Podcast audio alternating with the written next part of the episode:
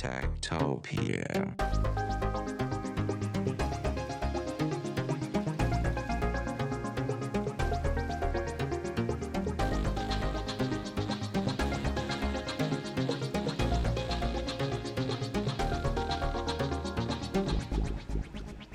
Tektopia er en podcast om mennesker og deres teknologi. Den er udgivet af Ingeniørforeningen Ida i samarbejde med Teknologiens Mediehus, støttet af idaforsikring.dk og de to konferencer IoT og HI-messen hos Herning Messecenter. Mit navn er Henrik Føns, og det er mig, der bestemmer i Tektopia. Tektopia.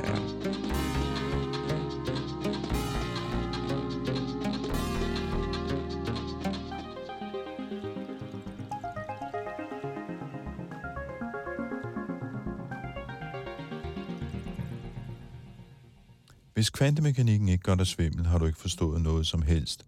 Det sagde den danske atomfysiker Niels Bohr om det forskningsfelt, som han videde sit liv til. Han gjorde sine væsentlige kvantemekaniske opdagelser for 110 år siden, og han modtog Nobelprisen i 1922. Hans modeller og teorier har dannet baggrund for udviklingen af moderne teknologi, for eksempel af det, der sidder inde i vores smartphones i dag. Men det er først nu, at vi bevæger os ind i den anden kvanterevolution, hvor vi langsomt er begyndt at bygge teknologi, baseret på kvantemekaniske fænomener, og meget tyder på, at Niels Bohr havde ret for kvantemekanik, det volder stadig forskerne kvaler her over 100 år efter han udtænkte sin teori. Vi er her nået til det tredje afsnit af Tektopia, hvor vi har fokus på kvantecomputere. Og vi skal måske lige stoppe op en gang og forklare nogle ting, fordi nu begynder det nemlig at blive sådan lidt, øh, lidt teknisk øh, svært at forstå måske. Quantum computing, som man kalder det, skal revolutionere den måde, vi behandler og opbevarer data på.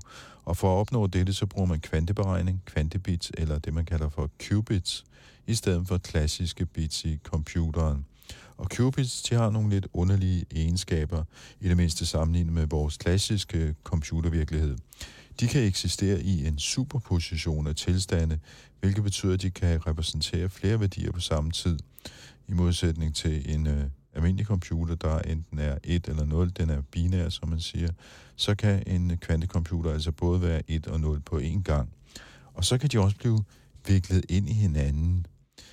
Det er det, man kalder for entanglement på engelsk, hvilket giver mulighed for parallel beregning. Det gør, at øh, kvantedatabehandling potentielt er meget hurtigere end klassisk databehandling for visse typer problemer, som for eksempel faktorisering og databasesøgning, og det skal vi nok vende tilbage til på et senere tidspunkt. Kvanteberegning er også udfordrende af flere forskellige andre grunde. Den største kvanteberegningsudfordring er, at qubits er ekstremt følsomme over for deres miljø, og selv meget små forstyrrelser kan få dem til at miste deres kvanteegenskaber, så det faktisk ikke virker efter hensigt mere. Og for at undgå det, ja, så skal man finde nye materialer og nye beregningsteknikker. Og udover det, ja, så er det ikke kun hardwaren her, der er udfordrende for kvanteberegning. Kvantealgoritmer, de er også langt mere komplekse end klassiske algoritmer. Og den her kompleksitet skaber udfordringer både for kvantecomputerforskere, ingeniører og iværksættere.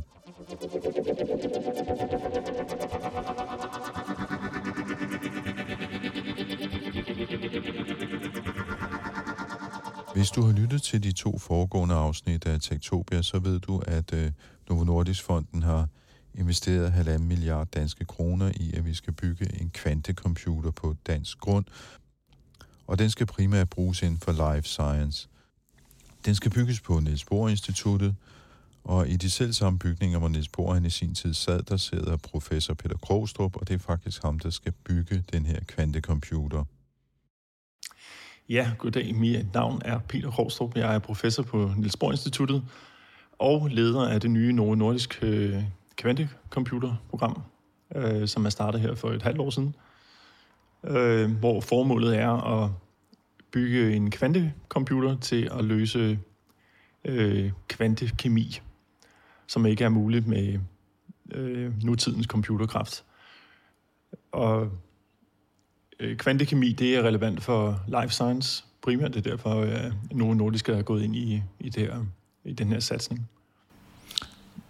Kan du forklare, hvad, hvad er kvantekemi egentlig, for, for lige at få begreberne på plads? Ja, altså man kan sige, at alt kemi er faktisk kvantekemi. Men grunden til, at man lige specificerer, at det er kvantekemi, det er fordi, at øh, at øh, øh, for at beskrive, altså man kan godt lave nogle øh, effektive modeller for øh, Øh, kemi, hvor du egentlig ikke øh, eksplicit bruger de kvantemekaniske egenskaber af kemien. Men hvis du skal beskrive kemi øh, eksakt, så er øh, øh, vores fundamentale natur jo øh, kvantemekanisk til vores bedste viden i dag. Øh, så derfor så, øh, så hvis du skal beskrive det eksakt, så skal du øh, løse det øh, kvantemekanisk. Og det kan man ikke, øh, fordi øh, kemi typisk er utrolig kompliceret. Det involverer rigtig mange elektroner, som binder sig til hinanden, og hvis man skal løse det eksakt, så vil det kræve øh, øh, næsten uanet regnekraft med nutidens computerteknologi. Og det er så her, kvantecomputeren kommer ind i billedet? Ja, det er det nemlig. Kvantecomputer er en fundamental anderledes måde at beregne på, hvor man bruger en af de øh, Øh, kvantemekaniske øh, principper til at processere data. Øh, og øh, det gør den øh, for nogle problemer øh, eksponentielt hurtigere end, klassiske, end den klassiske computerteknologi. Og det gør, at man har håb for, at man kan bygge en, en computer, der er god nok til at, at opfylde det potentiale. Og det er så din opgave simpelthen? Det kan man godt sige, eller det er i hvert fald vores opgave, ja. det nye øh, program her. Ja. ja. Men altså, hvis vi lige skruer tilbage, fordi du, øh, du er en erfaren mand, hvad det her angår. Du har været i gang i det her felt øh, i hvor mange år nu? Ja, altså jeg har været øh, altså, øh, direkte relateret til kvanteteknologier, øh, har jeg været i gang i 10 år, de sidste 10 år. Og selvfølgelig også noget baggrund derfra, øh, som jeg bruger med øh, før da, hvor jeg studerede øh, solcellefysik, som også er øh, baseret på lignende type materialer. Altså, øh, øh, så, så det, det, det er min materiale øh, fysik baggrund, som der, øh, som der gør, at jeg har god indsigt i, hvad for noget, hvad for nogle, hvordan vi skal bygge sådan nogle kvanteteknologier. Og så har du gået rundt ude i Lyngby hos øh, Microsoft og, og faktisk bygget lave materialer til en computer derude? Det er rigtigt. Øh, for syv år siden øh, øh, Øh, blev ansat af Microsoft til at, at lave et nyt øh, materiale øh, laboratorie for dem. Og øh, det startede med, at det skulle ind på øh, universitetet, hvor jeg øh, var professor.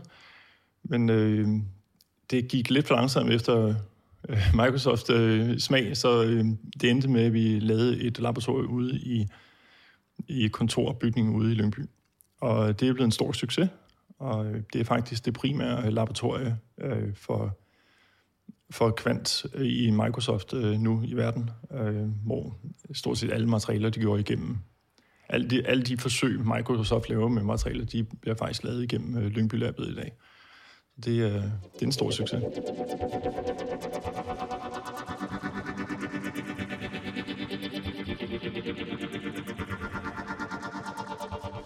Vi vender tilbage til Peter Krogstrup lige om lidt, fordi vi skal lige løbe nogle af de ting igennem, som er de største udfordringer ved det, han skal lave.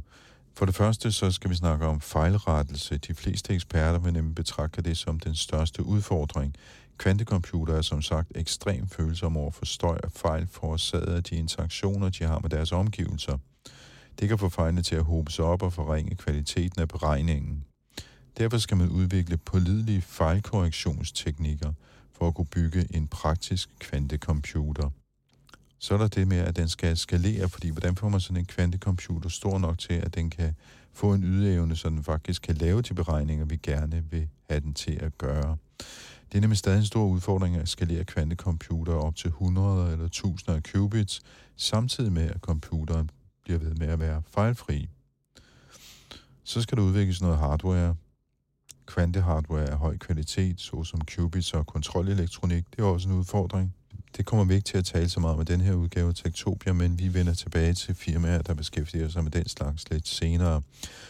Øh, en sidste ting, som man også har fokus på, det er udviklingen af software. Kvantealgoritmer og softwareudviklingsværktøjer, de er stadig i deres øh, tidlige fase og der er behov for nye programmeringssprog, compiler og optimeringsværktøjer, som effektivt kan udnytte kvantecomputerens kraft.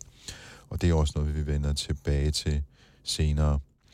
Nu skal vi nemlig allerførst hilse på Peter Krogstrup for Alvor og høre, hvad det egentlig er, han går og råder med på Niels Bohr Instituttet, hvor han altså skal bygge en dansk kvantecomputer.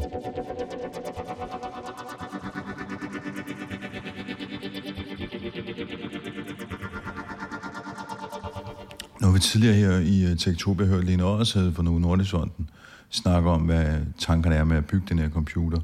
Og når jeg så spørger hende, jamen, hvordan gør vi det, hvad er det for noget, fordi hun peger især på øh, materialerne til at lave den, at dem øh, står vi stærkt på i, i Danmark, og har gode muligheder for at lave de her materialer. Og så siger hun, jamen det skal Peter forklare dig. Ja. Så det er, jo, det, er jo, det er jo din opgave nu, Ja. at forklare, hvad er det for nogle materialer, man skal lave den her kvantecomputer af, og hvordan, hvordan, hvordan, hvordan gør I det, hvordan griber I det an? Altså, Ja, altså øh, for at starte helt for, for toppen af, eller bunden af, kan man sige, så, øh, så er der øh, en, at bygge en kvantecomputer, det har øh, det sætter utroligt store krav til renhed og øh, perfektion øh, ned på atomar skala. Og grunden til det, det er fordi, at de her kvantetilstande, som du skal styre i en kvantecomputer, de er utroligt skrøbelige. De øh, fornemmer alt omkring sig. De interagerer med- med alle tilstande i nærheden. Øh, så hvis du skal bygge sådan en kvantecomputer, så skulle du faktisk have, have styr på, hvor alle atomerne sidder i din kvanteplan. Øh, de, øh, den øh, halvlederteknologi, man bruger i dag til klassiske computer, som er jo øh, udviklet til utrolig høj øh, øh, kompleksitet øh, i dag, den har nogle andre krav, end en kvantecomputer har. Så det er ikke, fordi vi bare kan tappe ind i den øh, teknologi, der er udviklet over de sidste øh, 80 år i klassisk computer. Vi bliver også nødt, den stiller nogle andre krav til øh, renhed, og det, hvilket gør, at vi bliver nødt til at bygge nogle nye redskaber øh, til at bygge kvanteteknologier. Det er i hvert fald vores øh, øh, vision for det her program, at vi bygger noget, der hedder en, øh, en øh, kvante foundry, altså en quantum foundry, øh, som, som øh, egentlig betyder, at det er et sted, hvor man bygger øh, materialer til kvantecomputere. Øh, og normalt er det sådan, at når du skal bygge nogle øh, materialer og nogle devices, altså integrated circuits, som vi kalder det, som har elektroder og øh, halvledere og en masse komponenter øh, indbygget sammen, så det, så det virker som en processor, som du har i din øh, telefon for eksempel. Øh, for, for at sætte alle de ting sammen, øh, så kræver det en, en masse redskaber, øh, som er udviklet over de sidste rigtig mange år. Øh, og det er jo det, vi er, når det chip war, og når du snakker øh, Kina, USA, Taiwan og alle de der store, det, det er jo faktisk kommer tilbage til de der chips der. Øh, meget af den øh, udenrigspolitiske øh, krise, vi har, fordi det er det nye olie, kan man sige. Og det kommer faktisk tilbage på de tools, øh, øh, som er udviklet til at lave de her øh, øh, chips, fordi det er ikke alle, der bare kan lave dem. De skal have adgang til de rigtige tools. Men de tools, de øh, kan man ikke bare bruge til at lave kvanteteknologier.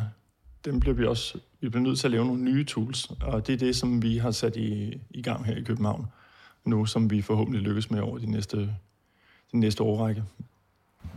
Fordi jeg forstår, det betyder det så, at, at, at hvis, hvis, hvis I har held med at gøre det her, får Danmark så en position, ligesom Taiwan har for eksempel i dag, med at sidde på stort set alt chip-produktion? øhm, det er egentlig ikke det, der er målet øh, som sådan, men, øh, men vi vil rigtig gerne øh, være med til at udvikle øh, den teknologi, øh, som kræver et stort økosystem. Vi kan ikke bygge en kvantecomputer alene, men vi kan bygge nogle af de kritiske øh, komponenter, som hjælper til, at vi samlet set får bygget en kvanteteknologi, så vi kan løse øh, kemiproblemer, der er relevant for både den grønne, grønne omstilling og for øh, øh, medicin og, og en masse gode ting, som vi- er det, der driver os. Så vi bygger egentlig, vi, vi lægger vores strategi efter øh, sådan nogle, nogle algoritmer, som løser de problemer, øh, som har relevans for Novo Nordisk Fonden. Øh, fordi det, man kan faktisk godt tailor hardwaren efter specifikke, specifikke øh, problemer. Okay, så det vil sige, at, at kvantecomputer, eller i hvert fald den, I kommer til at bygge, er, som jeg skal man sige, bygget specifikt til at løse nogle specifikke problemstillinger. Ja, altså... Man kan sige, det er det i hvert fald, vi, øh, vi taler vores øh, kvanteteknologi til. Øh, nu er det sådan, at øh, øh, hvis man øh, alt det der med decryption af, altså, øh, af passwords og kodeord, og altså, hvor man er bange for, hvad en kvantecomputer kommer til. Det, hvis man kan løse kemiproblemer, så kan man sikkert også, øh, eller i hvert fald, så det er nogle af de samme øh, krav, der stilles for os at løse nogle af de der øh, sikkerhedsproblemer. Øh, så det er ikke fordi, at, øh, at øh, vi kun, at den computer, vi bygger, kun vil kunne bruges til at løse gode ting. Så det er noget, vi skal være opmærksomme på, selvfølgelig. Øh, at det kommer i, i hænderne på de forkerte mennesker. Og øhm, det er faktisk også en af de grunde til, at vi har valgt at splitte vores program op i to. Altså en universitetsbaseret, som typisk er øh, åben for verden, og samarbejdet, det har vi brug for. Øh, men samtidig så øh, bevarer vi de kritiske ting, vi udvikler i en, en konstruktion, der hedder det her Quantum Foundry, som egentlig er et firma, hvor vi kan holde trade secrets, hvis vi har brug for det. Og så arbejder hele programmet sammen i en fælles database øh, og, og udvikler teknologien øh, sammen. Der er en del af os, der har hørt om IBM og deres kvantecomputer, og jeg har faktisk også interviewet nogle af de folk der, så hvad er forskellen på den og så det, I bygger? Det er noget med fejlkorrigering og sådan nogle ting, ikke? Jo. Altså nu øh, er vi ikke kommet i gang nu, så, øh, vi, så vi, vi har stadig kun nogle, øh, nogle, nogle fund, øh, fundamentale øh, enkle qubits, vi, vi evaluerer, og det er det, vi vores program, det er delt op i to faser. Den første fase er, består af en opbygnings, øh, subfase, der hedder en opbygningsfase, og så ellers går vi i gang med i de efterfølgende fem år med at evaluere, hvad for en platform vi mener kan skalere øh, hele vejen til en, en rigtig kvantecomputer, som kan løse rigtig komplekse problemer. Øh, hvis du kigger på IBM's computer, eller Google, eller nogle af dem, øh, nogle andre, øh, som er dem, som der fører lige nu, så er der fundamentale problemer med at se, hvordan den kan skalere til en, øh, til en reel øh, fejlkorrigeret storskala kvantecomputer.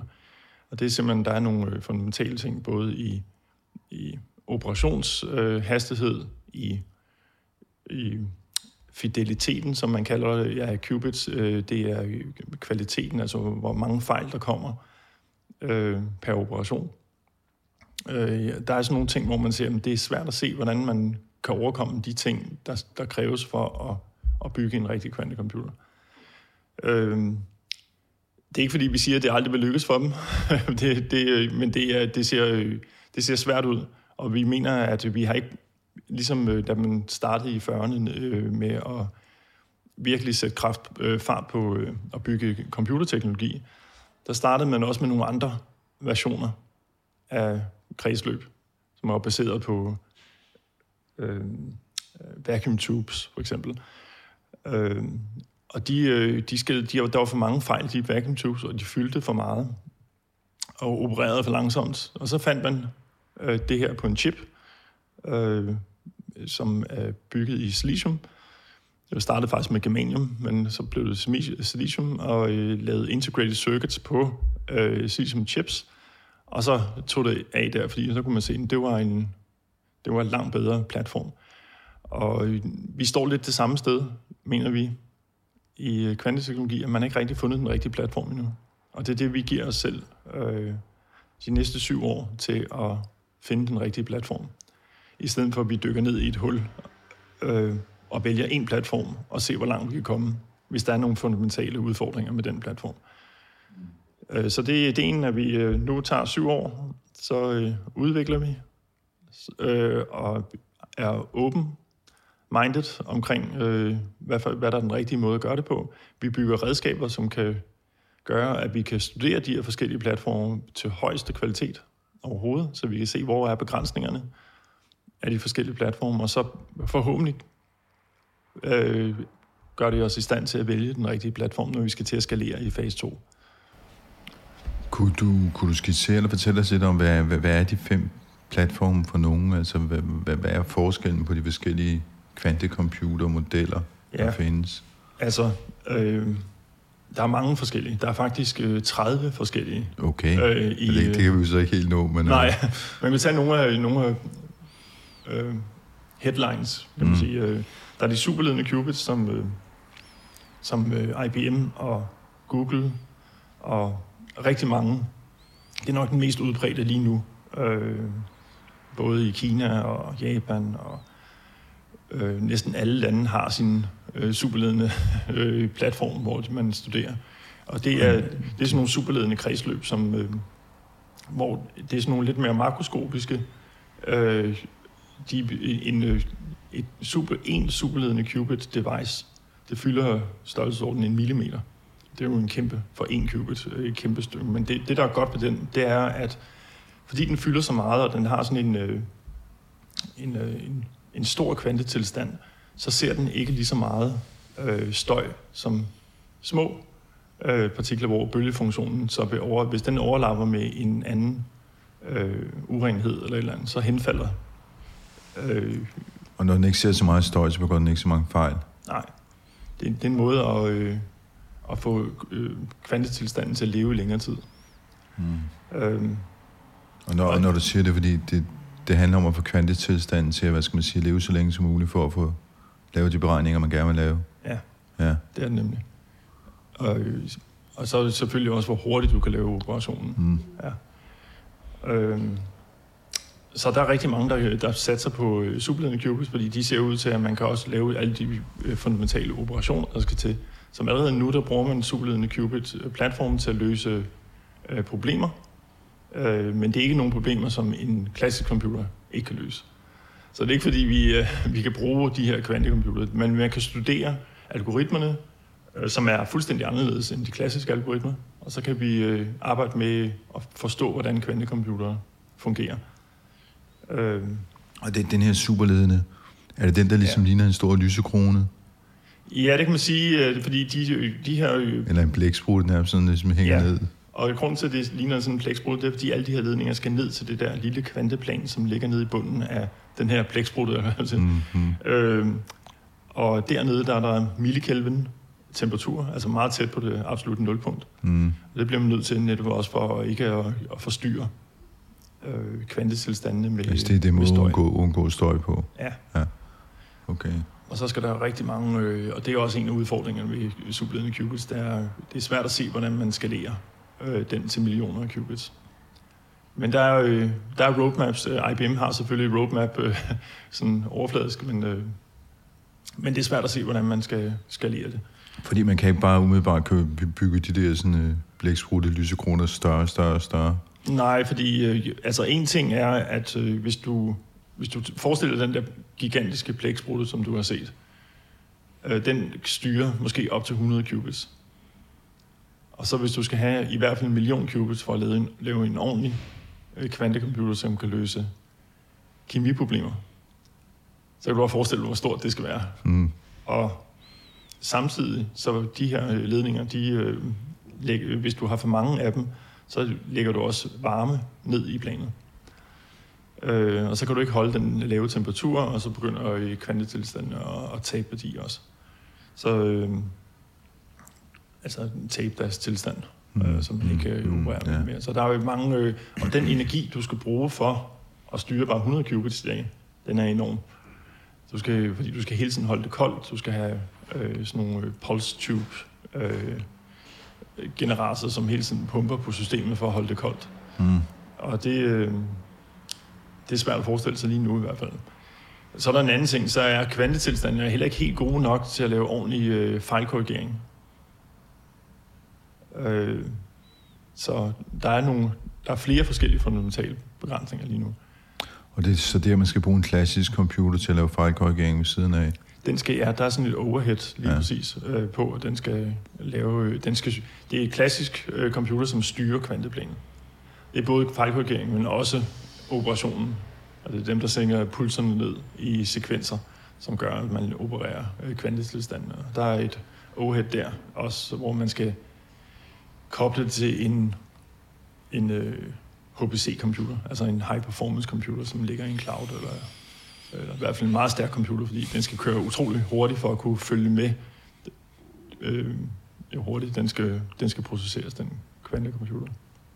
Men måske vi skulle gå videre til nogle af de andre platforme. Ja, det var en god idé. Så er der øh, det nummer to lige nu, ser ud som om, at det er, øh, hvor man opererer med atomer, frit svævende atomer i vakuum. Og det, øh, der er to versioner af dem overordnet set. Den ene er ions, altså ioner, som man fanger i, øh, i, i sådan nogle øh, optiske potentialer inde i vakuum. Øh, og det gør man også med neutrale atomer, og de opereres lidt forskelligt. Men i sådan nogle vakuumkammer, så laver du sådan nogle øh, optiske potentiale, hvor du fanger dem, og så kan du flytte dem rundt, de her atomer. Og så når de, øh, så kan du lave operationer med dem. Du kan give dem nogle pulser, så kan du lave øh, enkelte qubit-operationer ved at give dem øh, en speciel øh, energi eller fase for en, for en retning. Eller du kan også flytte dem rundt og lade dem møde hinanden, sådan så du laver en, det, der hedder en two, en to qubits operation, så de entangler sammen øh, og flytter dem fra hinanden igen. Øh, og det, det er en helt anden måde at lave operationer på rent fysisk, men øh, effektivt så er det det samme som de andre platforme. Øh, udfordringen her ved den her vion at, uh, traps, det er, øh, at operationstiden er utrolig langsom. Det er det tager, men selvom øh, man, man laver dem perfekt og sådan noget, det vil stadig tage utrolig lang tid at løse problemer, hvis vi lykkes med at bygge en, en kæmpe stor kvantecomputer, som er fejlkorrigeret og sådan noget. Fordi de her ioner og fotoner og, øhm, og neutrale atomer, de har en utrolig god koherenstid, som man siger. Altså, de beholder deres kvantetilstand i lang tid. Øh, men operationerne af dem tager lang tid. Man bliver nødt til at gøre det langsomt nok, så de ikke taber den øh, tilstand, de har. Så der er nogle fundamentale udfordringer der. Men der er også der er rigtig meget forskning der. Altså, vi tænker i vores program om at bruge det til øh, en slags quantum memory, så vi kobler til dem, fordi de holder sig deres kvantetilstand så langt så godt. Det, vi snakker minutter, og det er, er uendeligt på, øh, på kvantetidsskaler. Øh, øh, I hvert fald kvantecomputertidsskaler. Øh, og vi, det er lige nu, der er der, hvor vi er nu, der vil vi gerne koble alle de forskellige fordele ved de forskellige øh, platforme sammen, og så se, om vi kan bygge en kvantecomputer, som, som har alle de gode ting for de forskellige platforme. Så er der øh, øh, halvleder øh, baseret kvantecomputer, som det, man kalder spin qubits, hvor man øh, laver små kvantedots på en plan. Det minder mere om det klassiske måde at lave øh, vores chips på, altså vores CPUs med transistorer. Men her der fanger man så enkelte elektroner i sådan en halvleder platform. Øh, og så styrer man de enkelte elektroner, deres spin. Det kan være en spin op og en spin ned, som udgør din qubit. Øh, der er forskellige implementeringer der også. Øh, og så der, der kan man operere rigtig hurtigt, for eksempel, fordi øh, vi ved jo, at vores chip bliver opereret med gigahertz-frekvenser. Hvis man kommer op der med en kvantecomputer, så ville det være rigtig interessant. Øh, men øh, jeg vil sige, at udfordringen her er, at øh, halvledermaterialer, de øh, har den bagdel, at de, øh, eller ulempe, det er, at de, de ser alle urenhederne urenhederne i, øh, i en halvleder. Så de ikke screener for urenhederne. Så de øh, er jo utrolig følsomme. Så der er, øh, det er også en, øh, en udfordring at skulle lave materialerne gode nok, øh, for at de kan holde den øh, information i lang tid. Men det er også noget, vi vil prøve at angribe. Og så er der øh, Øh, jeg vil sige, den sidste store kategori, det er fotonik. Altså hvor man bruger fotoner til at operere med. Øh, så alt det, vi har snakket om indtil videre, det er jo enten atomtilstanden, eller, øh, eller øh, elektrontilstanden, eller superledende tilstanden, som er, også består af elektroner. Øh, og så med, også i virkeligheden en kombination med lidt med nogle fotoner faktisk. Men så er der den øh, kategori, som hedder øh, photonic quantum computing, som er også utrolig interessant, som øh, øh, Peter Lodals gruppe her ja, på øh, Niels Bohr Instituttet øh, arbejder med, og mange andre. Øh, det er ikke noget, som er særlig modent endnu, men det har nogle utrolig mange fordele ved, at man både kan operere hurtigt, fotoner de ser ikke så meget øh, støjen, de, de, øh, de vekselvirker ikke så nemt med, med urenheder i materialerne. Øh, men det er også en af udfordringerne ved fotoner, det er at, øh, at lave operationer med dem, fordi de skal jo gerne kunne se, man skal jo gerne kunne lave operationer, så de vekselvirker med hinanden. Og så skal man lave øh, en, et plan, en kvanteplan, hvor man netop bruger fotoner, man spytter enkelte fotoner ud i, i kvanteplanet, og så skal man lave operationer med dem og øh, så og der er udfordringer, at man skal lave nogle materialer, hvor øh, fotonerne de entangler med hinanden og, og laver operationer. Det, det der ord entangler, Ja, det skal lige forklares selvfølgelig. Det er jo sådan i kvanteverdenen, øh, altså en kvantecomputerteknologi, den består af to fundamentale kvantemekaniske fænomener. Det er superposition og øh, sammenfiltring på dansk, som er entangled på engelsk. Superposition, det betyder, at dine qubits, de er i både... Øh, den- den, består af to tilstande, og den, er, den kan være begge tilstande på samme tid. Med en vis... Altså, og det er det, man kan styre, hvor meget den skal være den ene eller den anden, men det er først, når du måler på den, den bliver det ene eller det andet. og der kan jeg så, det, det, det ved du selvfølgelig ikke, fordi du kan høre det, men jeg kan henvise til forrige afsnit, hvor Lene forklarer det med Schrödingers kat. Ja, okay. Jamen, det, det er rigtig fint. Så, så, så, så kan man sige, at øh, øh, det er de qubits, men qubits, de skal også, øh, du skal også lave operationer med dem. Så det, de skal jo øh, filtres sammen. Og der er det også det øh, spøjse med kvantemekanik, er, når du har sådan en øh, to, øh, to qubit, eller to tilstande qubits, og lader dem se hinanden, så er de faktisk filtreret sammen, så de er en og samme ting, men med fire muligheder. Øh, så din bølgefunktion, den er faktisk en, en, du kan sige, en slags superposition af, af de fire tilstande. Altså to tilstande for den ene qubit, og to tilstande for den anden qubit. Og så når du måler på den ene qubit, og den så henfalder den anden, fordi de, øh, de kan ikke være det samme.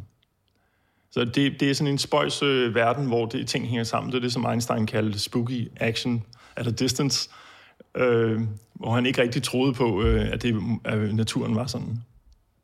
Øh, men det er den altså, og det er eftervist øh, millioner af gange nu. Så. Øh, og det er det, man bruger til at, øh, at lave operationer med. Øh, mere effektivt, end man kan med klassisk teknologi. Men alle de her typer platforme, dem går I så nu og forsker i de næste 5-7 år for at finde ud af, hvad for en af dem vil være den mest øh, Ja. effektive eller brugbare. Ja, altså vi tror lidt på, at, at hvis vi bringer eksperter fra alle de her forskellige platforme sammen øh, omkring noget udstyr, som kan bygge alle de her platforme, så tror vi, at vi kan lave en ny type qubit som, og qubit-platform, som tager alle de bedste ting fra de forskellige platforme. Øh, I hvert fald har muligheden for det, og så øh, finder vi øh, den platform, som vi mener øh, kan skalere til en rigtig kvantecomputer, der kan løse rigtige problemer. Ja, for det der med skalering er jo super vigtigt, fordi den skal have en vis størrelse for at kunne løse de problemer, jeg gerne vil løse, for eksempel inden for kvantekemi. Ja, det er nemlig rigtigt. Det ser ud som om, at vi skal helt op på en million qubits, hvis vi skal løse de her problemer.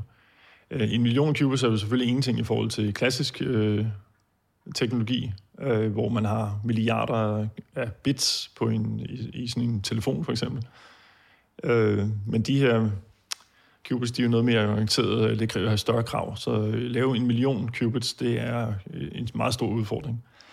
Øh, det er ikke fordi, man har brug for en million beregningsbits til at løse kemiproblemer, men man har faktisk kun brug for nogle hundrede eller nogle tusinder. Men øh, for at lave den fejlkorrigering, vi snakker om, så skal man faktisk have en million for at lave øh, 1000, lad os sige, øh, logiske qubits, der ikke har fejl.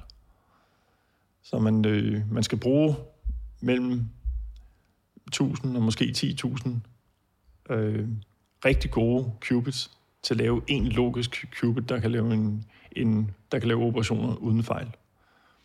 Og sådan et kemikproblem, det kræver, at vi laver øh, måske en trillion operationer uden fejl. Og det betyder altså, at vi, vi skal have en meget, meget lav fejlrate. Og det er også derfor, så skal vi bruge en, nogle rigtig gode logiske qubits for at gøre det. Og det kræver altså en masse fysiske øh, qubits på planet. Så høj kvalitet. Det Ja. handler simpelthen om kvalitet, kvalitet, kvalitet. Lige her til allersidst, øh, jeg har spurgt de andre i serien her også om øh, sådan et kig i krystalkuglen, som selvfølgelig kan være lidt farligt, fordi øh, det er altid farligt at forudsige fremtiden. Ja. Man kan sige, at du skaber fremtiden, så måske forudsiger du den ikke så meget, men øh, hvordan ser verden ud om 20 år med kvantecomputer, hvis du sådan kigger på den gennem sådan et par fremtidsbriller? Øhm, Altså, jeg tror, vi har, om 20 år, så har vi nogle øh, kvantecomputere, som kan løse øh, problemer, der er vigtige for samfundet, som gør en forskel, som vores klassiske computerteknologi ikke vil øh, kunne gøre. Den vil ikke løse...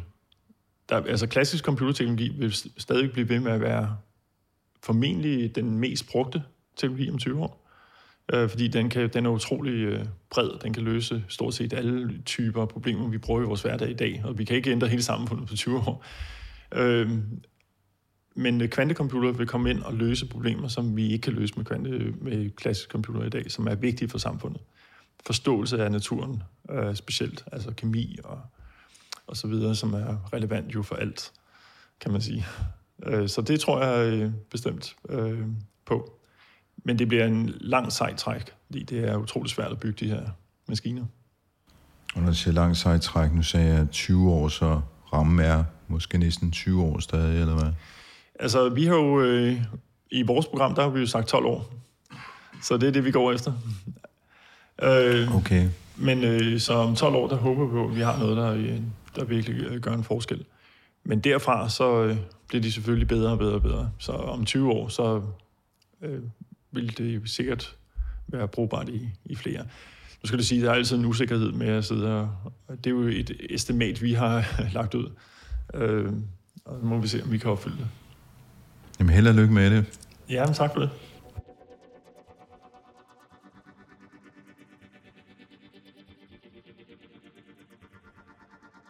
Og det sagde altså professor Peter Krogstrup fra Niels Bohr Instituttet, og han må sige sig har fået fast arbejde i en årrække når han skal udvikle den første kvantecomputer på dansk grund.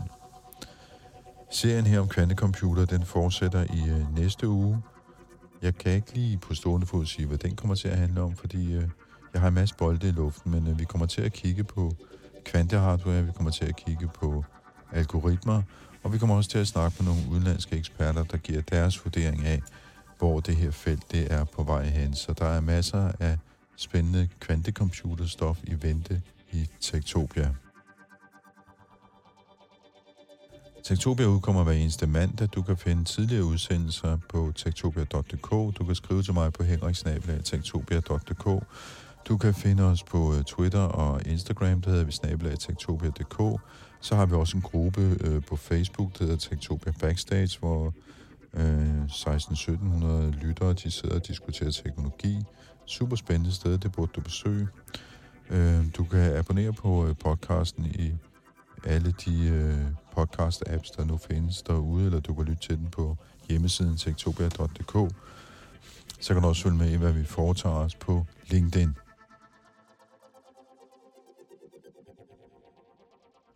Udover mig, så sidder også Mikkel Berggren Nielsen i redaktionen, og og tilbage er der kun at sige på genhør i næste uge, og må dine kvanter være med dig. Tektopia.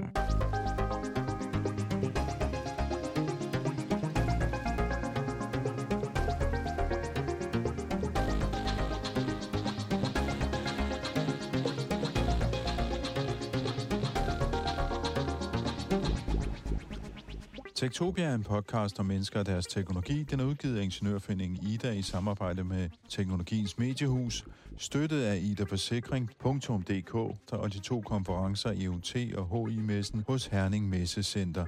Mit navn er Henrik Føns, og det er mig, der bestemmer i Tektopia. Tektopia.